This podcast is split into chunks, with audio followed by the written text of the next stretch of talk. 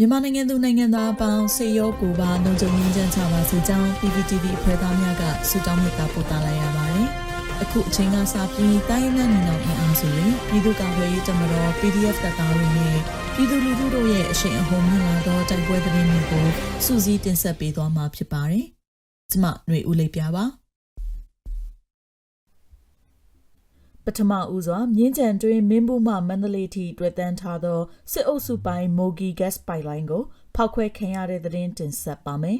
။မန္တလေးတိုင်းမြင်းကြံမြို့နယ်တွင်စစ်တပ်လက်အောက်ခံမြမရေနံနှင့်တဘာဝတန်းငွေလုပ်ငန်းမိုဂီပိုင် gas pipeline ကိုမြင်းကြံဘိုးစားပျောက်ကြားတပ်ဖွဲ့ကဖောက်ခွဲတိုက်ခိုက်လိုက်ကြောင်းအဆိုပါအဖွဲ့ကသတင်းထုတ်ပြန်ပါတယ်။ မန္တလေးတိုင်းမြင်းကျယ်မြို့နယ်တွင်ဖြတ်တန်းသွားတန်းထသည့်စစ်အုပ်စုပိုင်းမိုဂီဂက်စ်ပိုင်လိုင်းကိုအောက်တိုဘာ22ရက်နေ့နှင့်23ရက်နေ့တို့တွင်နှစ်ရက်ဆက်ဖောက်ခွဲခဲ့ခြင်းဖြစ်ကြောင်းမကွေးတိုင်းမင်းဘူးမြို့နယ်မန်တံပယာကမ်းမှမန္တလေးဘက်သို့တွေ့တန်းထားသည့် gas pipeline ကိုအောက်တိုဘာ22ရက်နေ့ည8:00နာရီခွဲတွင်တစ်ကြိမ်အောက်တိုဘာ23ရက်နေ့မွန်းလွဲ3:00နာရီတွင်တစ်ကြိမ်ဖောက်ခွဲမှုနှစ်ကြိမ်ပြုလုပ်ခဲ့ကြောင်းထုတ်ပြန်ထားတာပါ။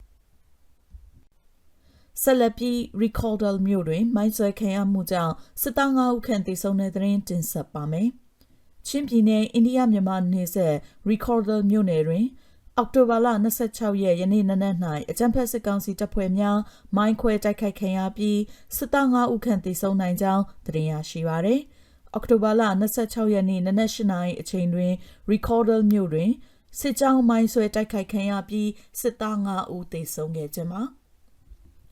ဆက်လက်တင်ဆက်မှာကတော့အနောက်မြောက်တိုင်းစစ်ဌာနချုပ်မှဗိုလ်ကြီးစင်ကြားလိုက်ပါလာသောအင်စီကမိုင်းဆွဲခံရပြီးအရာရှိနှင့်စစ်သား3ဦးသေဆုံးတဲ့တဲ့မှာ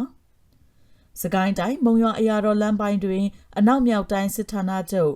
မှဗိုလ်ကြီးစင်ကြားလိုက်ပါလာသည့်အင်စီကမိုင်းဆွဲတိုက်ခိုက်ခံရပြီးအရာရှိအပါအဝင်စစ်သား3ဦးသေဆုံးကြောင်းသိရှိရပါသည်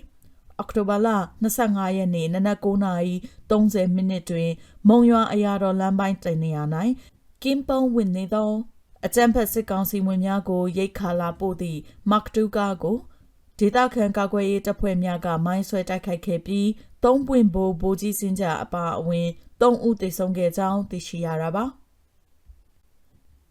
နောက်ဆုံးအနေနဲ့တန်ဖြူစရဲ့ရေလမ်းပိုင်းတွင်စစ်ကားစကိုးစီးပါရင်နှန်းကြားဖြတ်တိုက်ခိုက်ခံရတဲ့သတင်းတင်ဆက်မှာပါ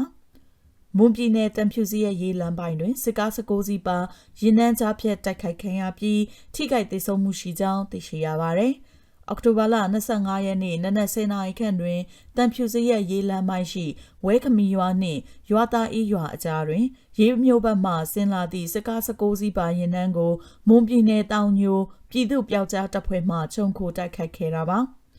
ရင်းတိုက်ခိုက်မှုအတွင်အကြမ်းဖက်စစ်တပ်ဖက်မှထိခိုက်သေးဆုံးရှိနိုင်တော့လဲအရေးအတွက်အတိအကျမသိရသေးကြောင်းရင်းစစ်ကားစကိုးစီးသည်ထဝယ်မြို့ဘက်သို့ဦးတီဆင်းလာမည့်ရိတ်ခါလက်နက်ခဲယမ်းတင်ဆောင်လာသည့်ရင်တန်းဖြစ်ကြောင်းတောင်ညိုပြည်သူ့ပျောက်ကြားတပ်ဖွဲ့ကထုတ်ပြန်ထားပါတယ်ရှင်။